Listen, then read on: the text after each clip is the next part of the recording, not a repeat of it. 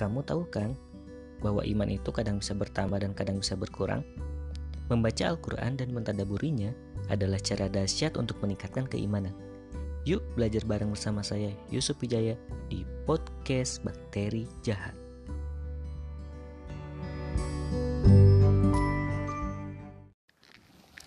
Assalamualaikum warahmatullahi wabarakatuh. Kembali lagi bersama saya Yusuf Wijaya di podcast Bakteri Jahat episode 15. Oke, pada kesempatan kali ini saya kembali akan menyampaikan uh, bab selanjutnya dari kitab Tauhid ya. Judulnya Takut terhadap Syirik. Allah berfirman dalam surat An-Nisa ayat 48, "Innallaha la yaghfiru ayyushraka bih wa yaghfiru ma duna dzalika liman yasha." Sesungguhnya Allah tidak akan mengampuni dosa syirik dan dia mengampuni segala dosa yang selain dari syirik itu bagi siapa yang dikehendakinya. Nabi Ibrahim berkata, Wajnubni wabani wabani ya anak buddha al asnam dan jauhkanlah aku beserta anak cucuku dari menyembah berhala-berhala surat surat Ibrahim ayat 35. Diriwayatkan dalam satu hadis Rasulullah Shallallahu Alaihi Wasallam bersabda, Ahwafu ma alaikum syirkul asgor fasu'ila anhu fakola arya sesuatu yang paling aku khawatirkan menimpa kamu sekalian adalah perbuatan syirik kecil Ketika ditanya tentang maksudnya, beliau menjawab, yaitu ria. Hadis riwayat Imam Ahmad, At-Tabrani, Ibnu Abi Ad-Dunya, dan Al-Baihaqi dalam kitab Az-Zud. Diriwayatkan dari Ibnu Mas'ud radhiyallahu anhu bahwa Rasulullah Shallallahu alaihi wasallam bersabda, Man mata wa huwa yad'u min dunillahi nidda dakhalan nar. Barang siapa yang mati dalam keadaan menyembah sesembahan selain Allah, niscaya ia masuk ke dalam neraka. Hadis riwayat Al-Bukhari.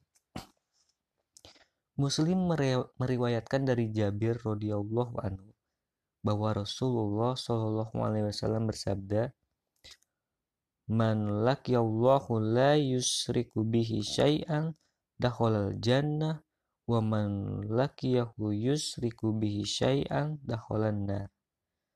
Barang siapa menemui Allah atau mati dalam keadaan tidak berbuat syirik kepadanya sedikit pun pasti masuk surga. Tapi barang siapa menemuinya atau mati dalam keadaan berbuat suatu syirik kepadanya pasti masuk neraka.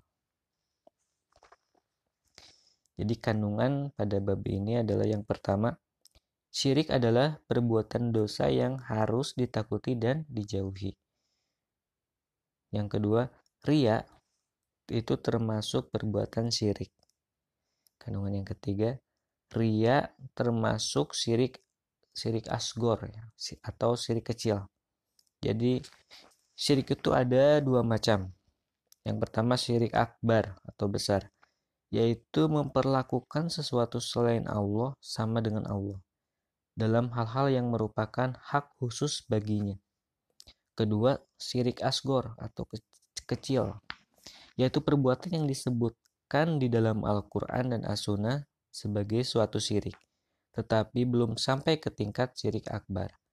Adapun perbedaan di antara keduanya adalah syirik akbar itu menghapus seluruh amal, sedangkan syirik asgor hanya menghapuskan amal yang disertainya saja. Syirik akbar mengakibatkan pelakunya kekal di dalam neraka, sedangkan syirik asgor tidak sampai demikian. Syirik akbar menjadikan pelakunya keluar dari Islam, sedangkan syirik asgor tidak menyebabkan keluar dari Islam. Itu ya. Kandungan bab yang kandungan yang nomor 4 Sirik asgor ini adalah perbuatan dosa yang paling dikhawatirkan oleh Rasulullah Shallallahu Alaihi Wasallam terhadap para sahabat, padahal mereka itu adalah orang-orang yang solih. Yang kelima, surga dan neraka adalah dekat. Yang keenam, dekatnya surga dan neraka telah sama-sama disebutkan dalam satu hadis. Yang ketujuh, barang siapa mati dalam keadaan tidak berbuat syirik kepada Allah sedikit pun pasti masuk surga. Tapi barang siapa mati dalam keadaan berbuat suatu syirik kepadanya, pasti masuk neraka sekalipun dia termasuk orang yang paling banyak ibadahnya.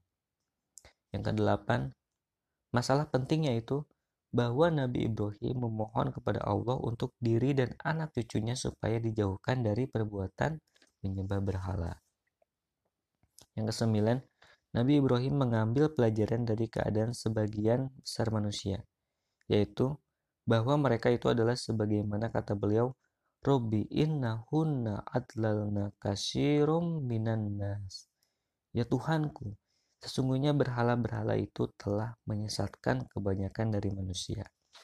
Surat Ibrahim ayat 36. Yang ke-10, bab ini mengandung tafsir kalimat La ilaha illallah sebagaimana dalam hadis yang diriwayatkan oleh Al-Bukhari yaitu pembersihan diri dari syirik dan pemurnian ibadah kepada Allah. Yang ke-11, keutamaan orang yang dirinya bersih dari syirik.